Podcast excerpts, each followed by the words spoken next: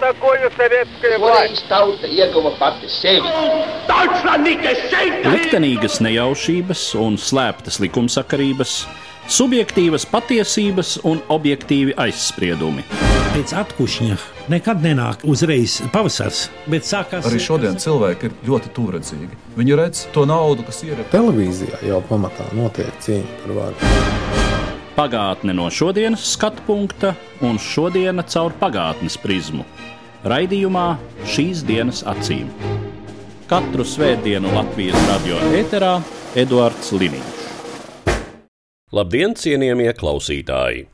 Šodien piedāvāju jūsu uzmanībai otro daļu no sarunas ar Ukrainas Zinātņu akadēmijas Ukrainas vēstures institūta pētnieku Genādiju Jefimenko, kuras pirmā puse izskanēja pagājušo svētdienu, 29. septembrī.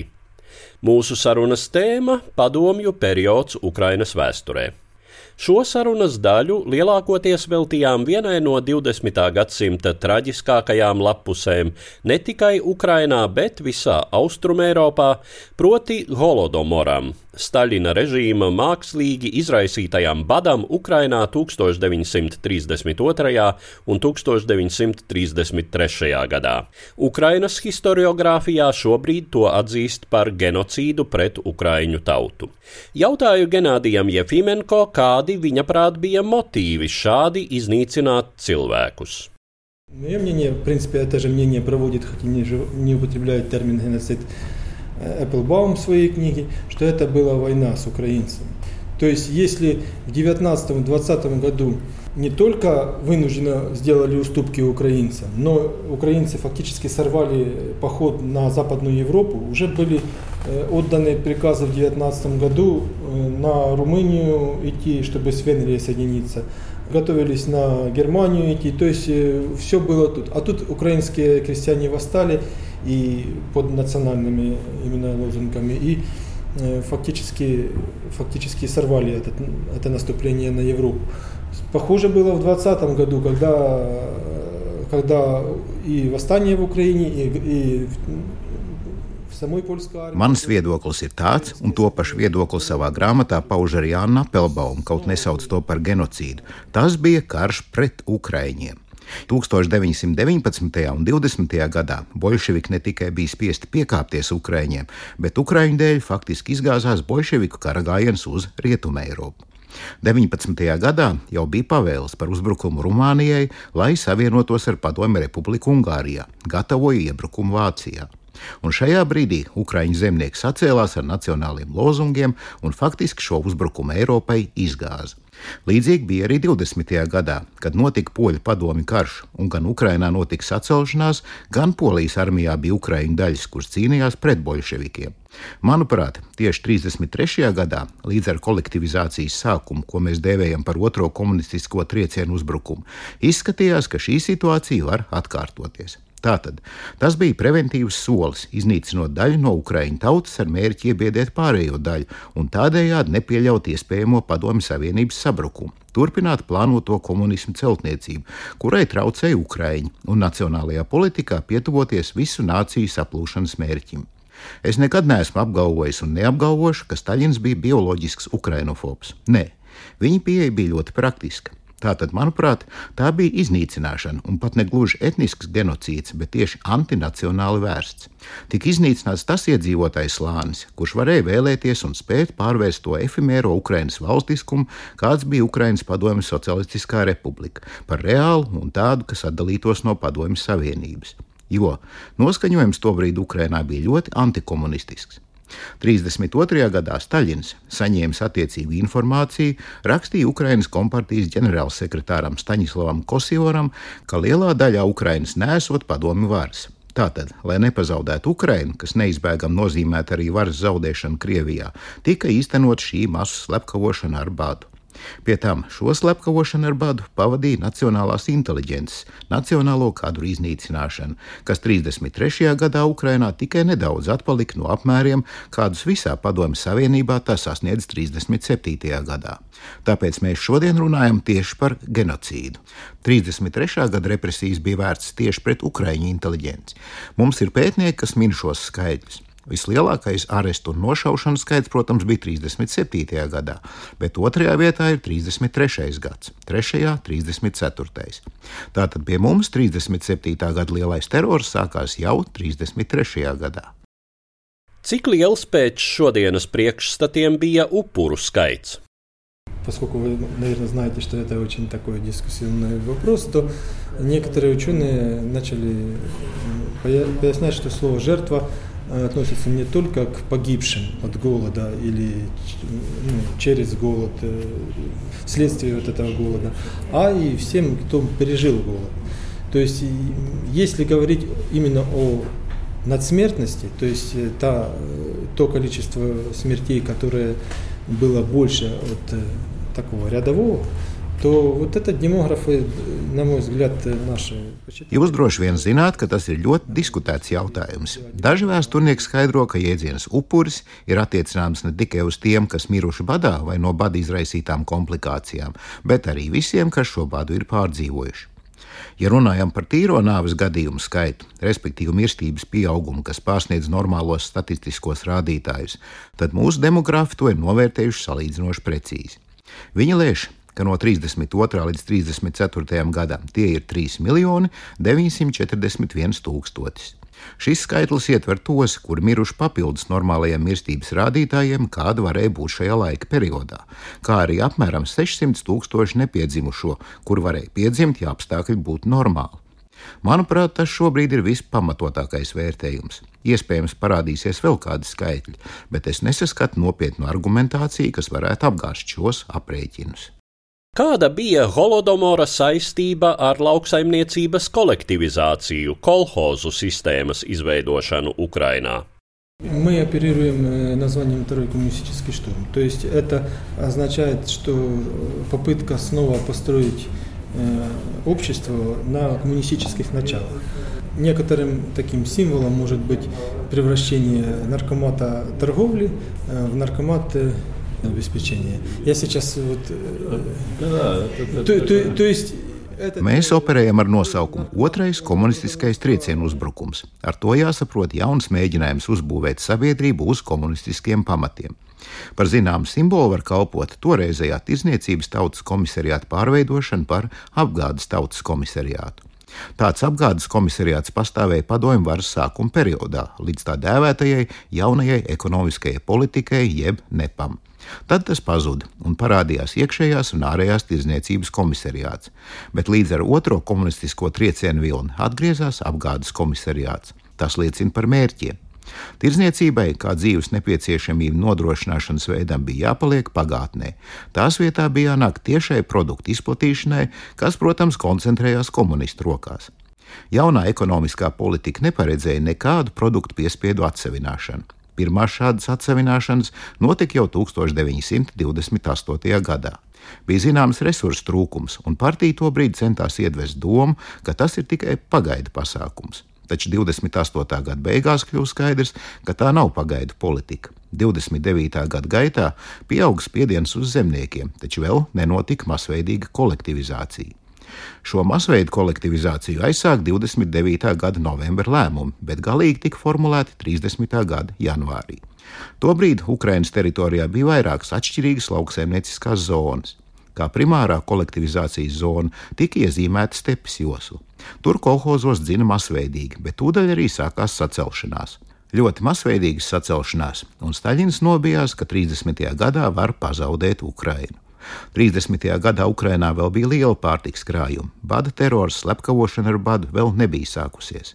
Taču tad Staļins publicēja savu ļoti labi zināmo rakstu Panākumu reibonis. Tajā viņš pakritizēja vietējos darboņus par pārcentību, deklarēja, ka mēs pirmkārt veidojam nevis komunas, bet ārteļus, un ka visam tam jānotiek brīvprātīgi.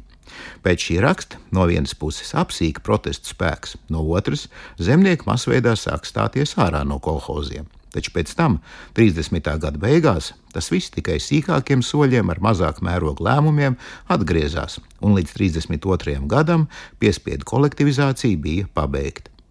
Kāda bija šīs piespiedu kolektivizācijas politika un politika attiecībā pret atlikušajiem neatkarīgiem zemniekiem? Tajā laikā tika uzsākts kurs uz preču ražošanas likvidāciju, un attiecīgi visi valstī nepieciešamie produkti tika piespiedu kārtā atņemti. Skata pēc varēja uzlikt kolhoziem ļoti lielu plānu, kurš nepārprotam nebija izpildāms, un tad vienkārši rekvizēt visu saražoto, kā tas bija 28. un 29. gadā. Šo rekvizīciju rezultātā zemkopi, lai tie būtu kolhozi vai atlikušie individuālie zemnieki, zaudēja ražošanas spēju. Kāda jēga bija ko darīt, ja atņēma visu, tobrīd atstājot tikai iztikai nepieciešamo? 30. un 31. gadā lauciniekiem vēl atstājis tikai nepieciešamo.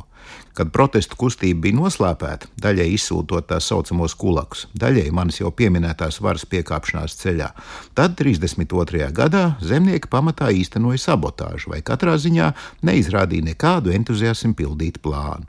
Nebija jēga strādāt, ja visu tāpat atņēma. Un tad, 33. gadā, tika mākslīgi radīta bada situācija. Vispirms notika piespiedu pārtikas izņemšana, un laukos iestājās bats.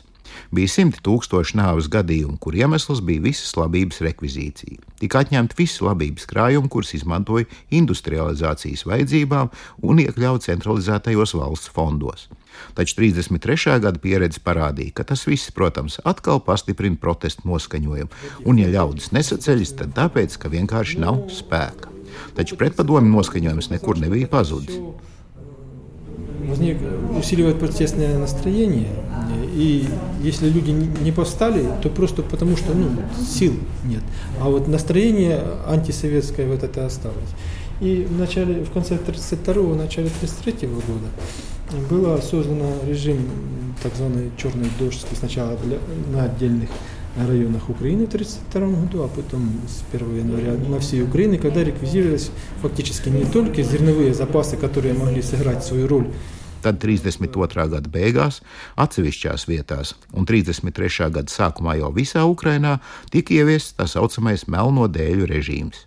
Sāka atņemt ne tikai labības krājumus, kuriem varēja būt pielietojams industrializācijas procesā, bet jebkādu pārtiks krājumu. Tā jau bija slepkavošana, nomērdējot badā.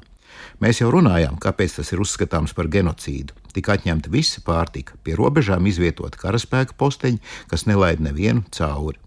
Ukraiņiem bija aizliegts izbraukt pēc pārtikas uz kaimiņu republiku teritoriju. Tos, kuriem izdevās izkļūt ārā, ķēra atceļā un atņēma nopirkto pārtiku. Un pēc tam šo situāciju nodēvēja par lauksaimnieciskās ražošanas pārraumiem, pie kuriem esot vainīgi, kā tika apgalvots, Ukrāņu nacionālisti. Šajā sarakstā nonāca Ukrāņu partijas līderis Skripņiks, kurš tika nodēvēts par nacionālo novirznieku. Vārdam bats bija uzlikts tabū, to nedrīkstēja lietot. Tik runāts par sarežģījumiem, un visu vainu par tiem propagandu uzvēl nacionālistiem. Šai ziņā ļoti spilgts ir Andreja Rečitska piemērs. Līdz 25. gadam viņš bija atsevišķās Ukraiņu komunistu partijas biedrs, bet kad šī partija pēc kopīga lēmuma ar Komintērnu pašlikvidējās, viņš iekļāvās Ukraiņas komunistiskās bolševiku partijas aparātā, kur strādāja centrāla komitejā. Un interesants moments. 32. gada beigās viņi nosūtīja organizēt labības savākšanu Arbuzīnkā, Ukrainas dienvidos, tagadējās Nikolājevas rajonā. Sanāksmēs viņi slavēja par metodēm, kas palīdzējušas iekustināt labības sagādas procesu. Ukrainas komunistiskās partijas centrāla komiteja atzina viņa metodas par pareizām. 1933. gada augustā, kad Golodomora apgājis jau bija pāri, viņu par to pašu arestēja un tiesāja, apsūdzot, ka šādā veidā viņš centies graut uzticību komunistiskajai partijai. Atgādināšu, šī pati partija dažus mēnešus iepriekš to visu bija slavējusi. Viņu nu jau kā Ukraiņu nacionālistiskās organizācijas dalībnieku notiesāja un 34. gadā nošāva. Pie tam tas pat bija atklāts tiesas process tajā pašā ciemā, kur viņš meklējams noslēptu pārtiku, bija pavēlējis sagraut vairākas zemnieku mājas. 32. gadā viņi par to slavēja, 34. apsūdzēja nacionālismā un nošāva. Šī tēze par to, ka lauksaimniecības pārraumos vainojam Ukraiņu nacionālisti, 30. gados bija ļoti populāra. Visi augstākās partijas nomenklatūras pārstāvi, pirmais sekretārs Postiševs, viņa palīgs ideoloģijas jautājumos Popovs, centrāla komitejas locekļi Jupčenko un Hviļins šo tēzi pastāvīgi izmantoja. Vaina par to, ko visi zināja, bet vārdā nesauca par tautas badu nāvēm, tika uzvelta tieši nacionālistiem. Šī sasaiste, Ukraiņu nacionālists un vaina par Golodomoru, tika pamatīgi iedzīta cilvēku prātos un iespējams kādā mērā turpināja ietekmēt cilvēkus. Tās bija bailes, kas tika nodotas no paudzes paudzē. Nedod Dievs padomi Ukrainā tikt par nacionālistu. Un kopš 1933. gada līdz pat Padomju Savienības sabrukumam Ukraiņu nacionālisms pastāvīgi tika piesaukts kā lielākās briesmas. Man nav zināms neviens gadījums, kad Ukrainā šajā laika posmā kāds būtu notiesāts par krievu šovinismu. Savukārt par ukraiņu nacionālismu šādu spriedumu ir ļoti, ļoti daudz. Kā mēs varētu definēt holodomora rezultātus, ekonomiskās, sociālās sekas, ietekmi uz sabiedrības stāvokli? говорил Кассиор в марте 1933 року, года, это научит крестьян уму-разуму. То есть, с одной стороны, крестьяне поняли, что так активно сопротивляться уже невозможно, это власть большая. С другой стороны, сама власть поняла, что просто коммунистическим методом не, это все не сделаешь. Kā teica Kosjors 1933. gada martā, tā būs zemniekiem laba mācība. No vienas puses zemnieki saprata, ka tik aktīvi pretoties vairs nedrīkst, vara ir pārāk stipra. No otras puses, vara saprata, ka vienkārši ar komunistiskām metodēm savu nepanāks, un 33. gada janvārī, pēc tam, kad zemniecības mugurkauls bija pārlausts, atgriezās pie pārtiks nodokļu sistēmas, kas aizstāja no 30. līdz 32. gadam īstenoto pārtiks konfiskācijas sistēmu, kad tika atņemta visa pārtika, kuru var uzskatīja par vajadzīgu. 33. gadā kolhoziem tika ieviesti plāni, pēc kur izpildes produkcijas pārpalikumi palika zemnieku rīcībā, un tas glāba situāciju. Ja runājam par citām sekām, tad tās bija ļoti smagas. Savulaik amerikāņu pētnieks James Meijs ieviesa tādu jēdzienu kā postgenocīda sabiedrība. Šiem cilvēkiem bija mainīta psihe, mainītas attiecības. Ukraiņas gadījumā tas bija visspēcīgākais trieciens atdzimstošajai Ukraiņu kultūrai. Mēs līdz šim laikam sadzīvojam ar šo notikumu sekām. Jo sevišķi skaidri tās saskatāmas, ja salīdzina ar situāciju Rietumukrainā, kur tajā pašā laikā Polijas vara īstenoja ukraiņu valodas un kultūras ierobežošanu, taču tur nebija šīs iznīcināšanas, genocīda. Nacionāla apziņa Rietumukrainā ļoti atšķiras no apziņas tā laika padomju Ukrainā. Kāda bija Ukraiņu vieta un loma padomju nomenklatūrā pēc Staļina perioda beigām? Kā veidojās šīs attiecības? Ja Ukraiņas uzstājīgi nedemonstrēja nacionālo pašapziņu, nebija, kā toreiz teica nacionālists, viņš viegli iekļāvās padomju varas vertikālē. Labākie piemēri pēc staļinisma periodā ir tas pats Ukrainā dzimušais Brežņevs, arī Hruščovs, kurš ilgu laiku strādāja Ukrainā. Respektīvi, lai arī etniski Ukraiņi nonāca visaugstākajos Padomju Savienības varas posteņos, tad Padomju Savienību pēc staļinismu laikā vadīja cilvēki, kur bija guvuši nozīmīgu pieredzi, pārbaudījuši savas spējas tieši Ukrainā. Bet nacionālā nostāja bija robežšķirtne. Ukraiņas kompartijas pirmajam sekretāram Piotram Šeļestam 72. gadā amatu maksāja viņa kaut mikroskopiskā, kaut kur pamanītā identificēšanās ar ukrainiskumu Bet, ja šādas identificēšanās nebija, tad lūdzu visplašākās iespējas. Pie tam anketu ailēs nacionālitātes apzīmējums palika. Un, ja Brežņevs savu oficiālo nacionalitāti vēlāk nomainīja no Ukrāņu uz Krievu, tad neviens cits pēckara periodā tā nedarīja. Kā un kādās formās padomju Ukrainas mantojums visvairāk joprojām izjūtams šodienas Ukrainas situācijā? Я уже не специалист по современному времени. Но, на мой взгляд, есть две, два слоя.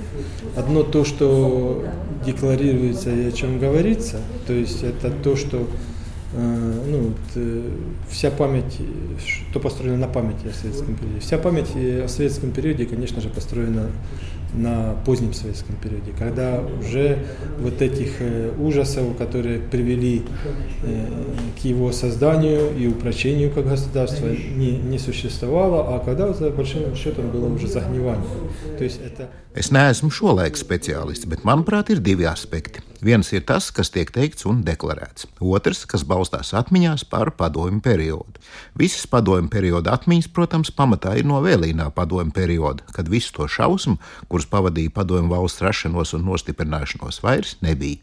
Notika šīs valsts pūšanas process. Tas bija strupceļš, kas noved pie padomju savienības sabrukuma. Tā ir skaitā, manuprāt, šī strupceļa politikas daļa bija Ukrainas rusifikācija, kas iesākās 70.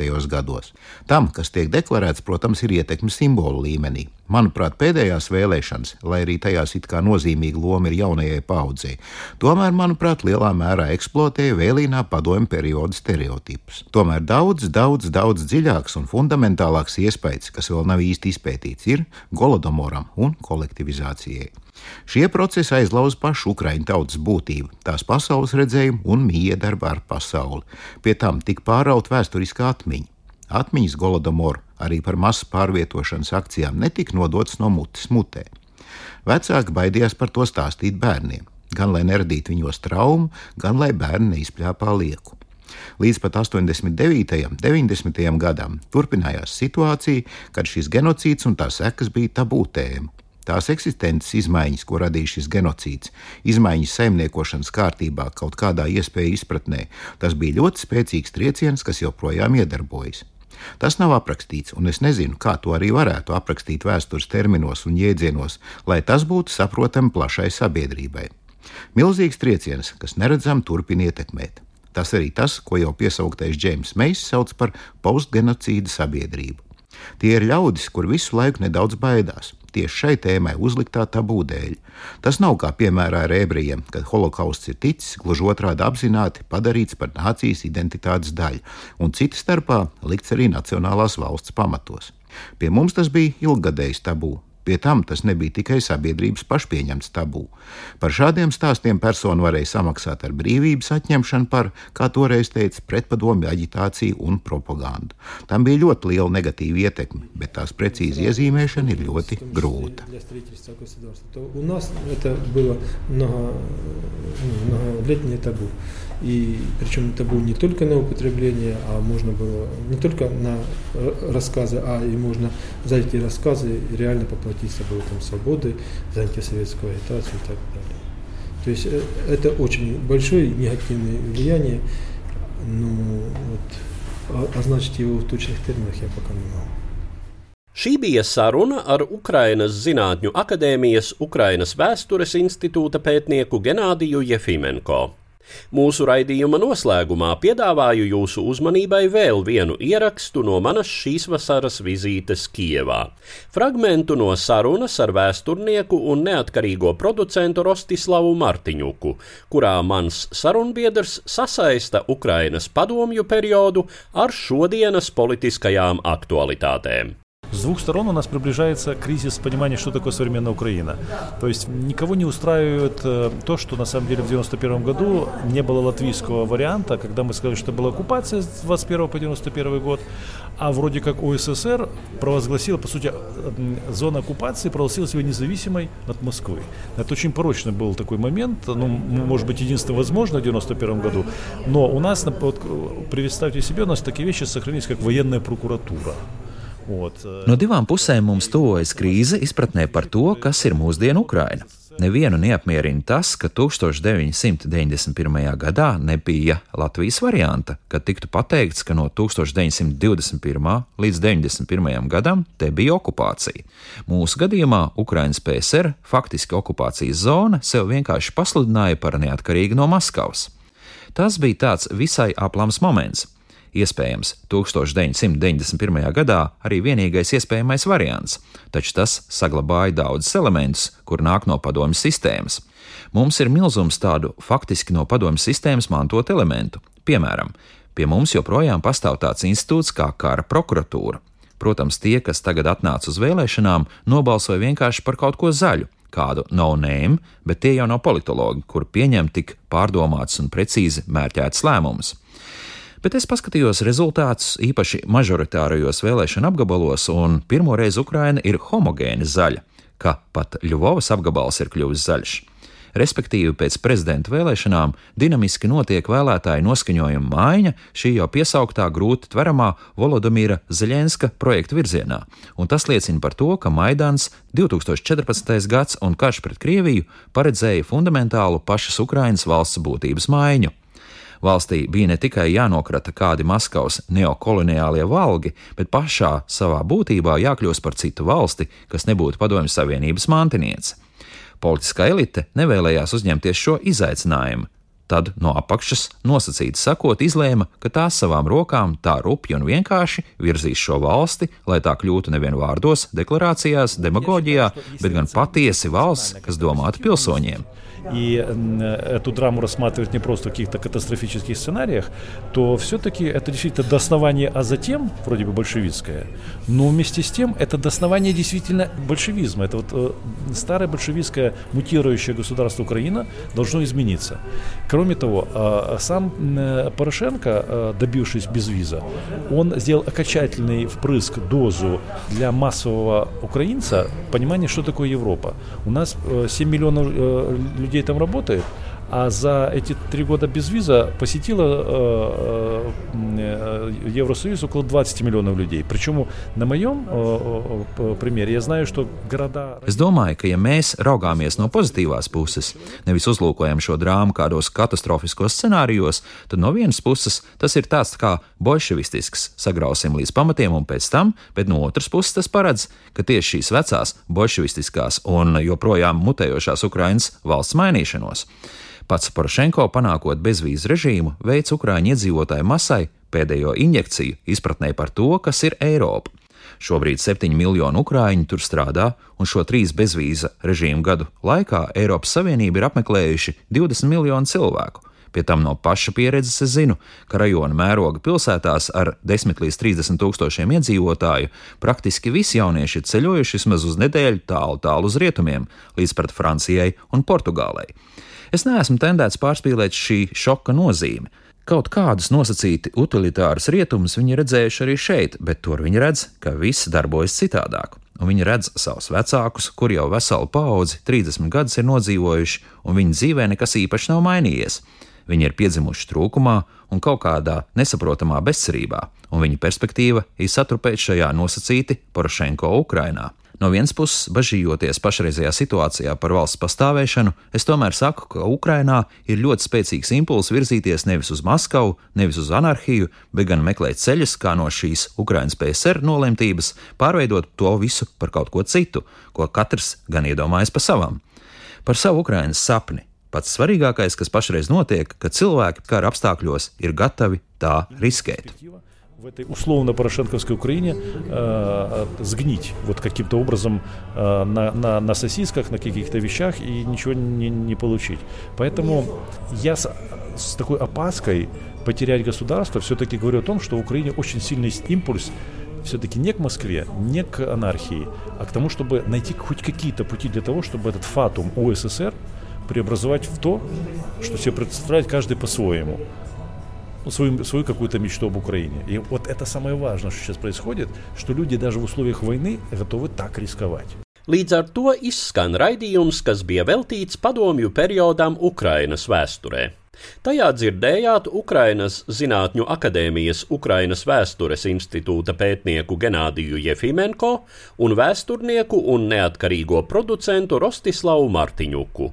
Uz redzēšanos, cienījamie klausītāji!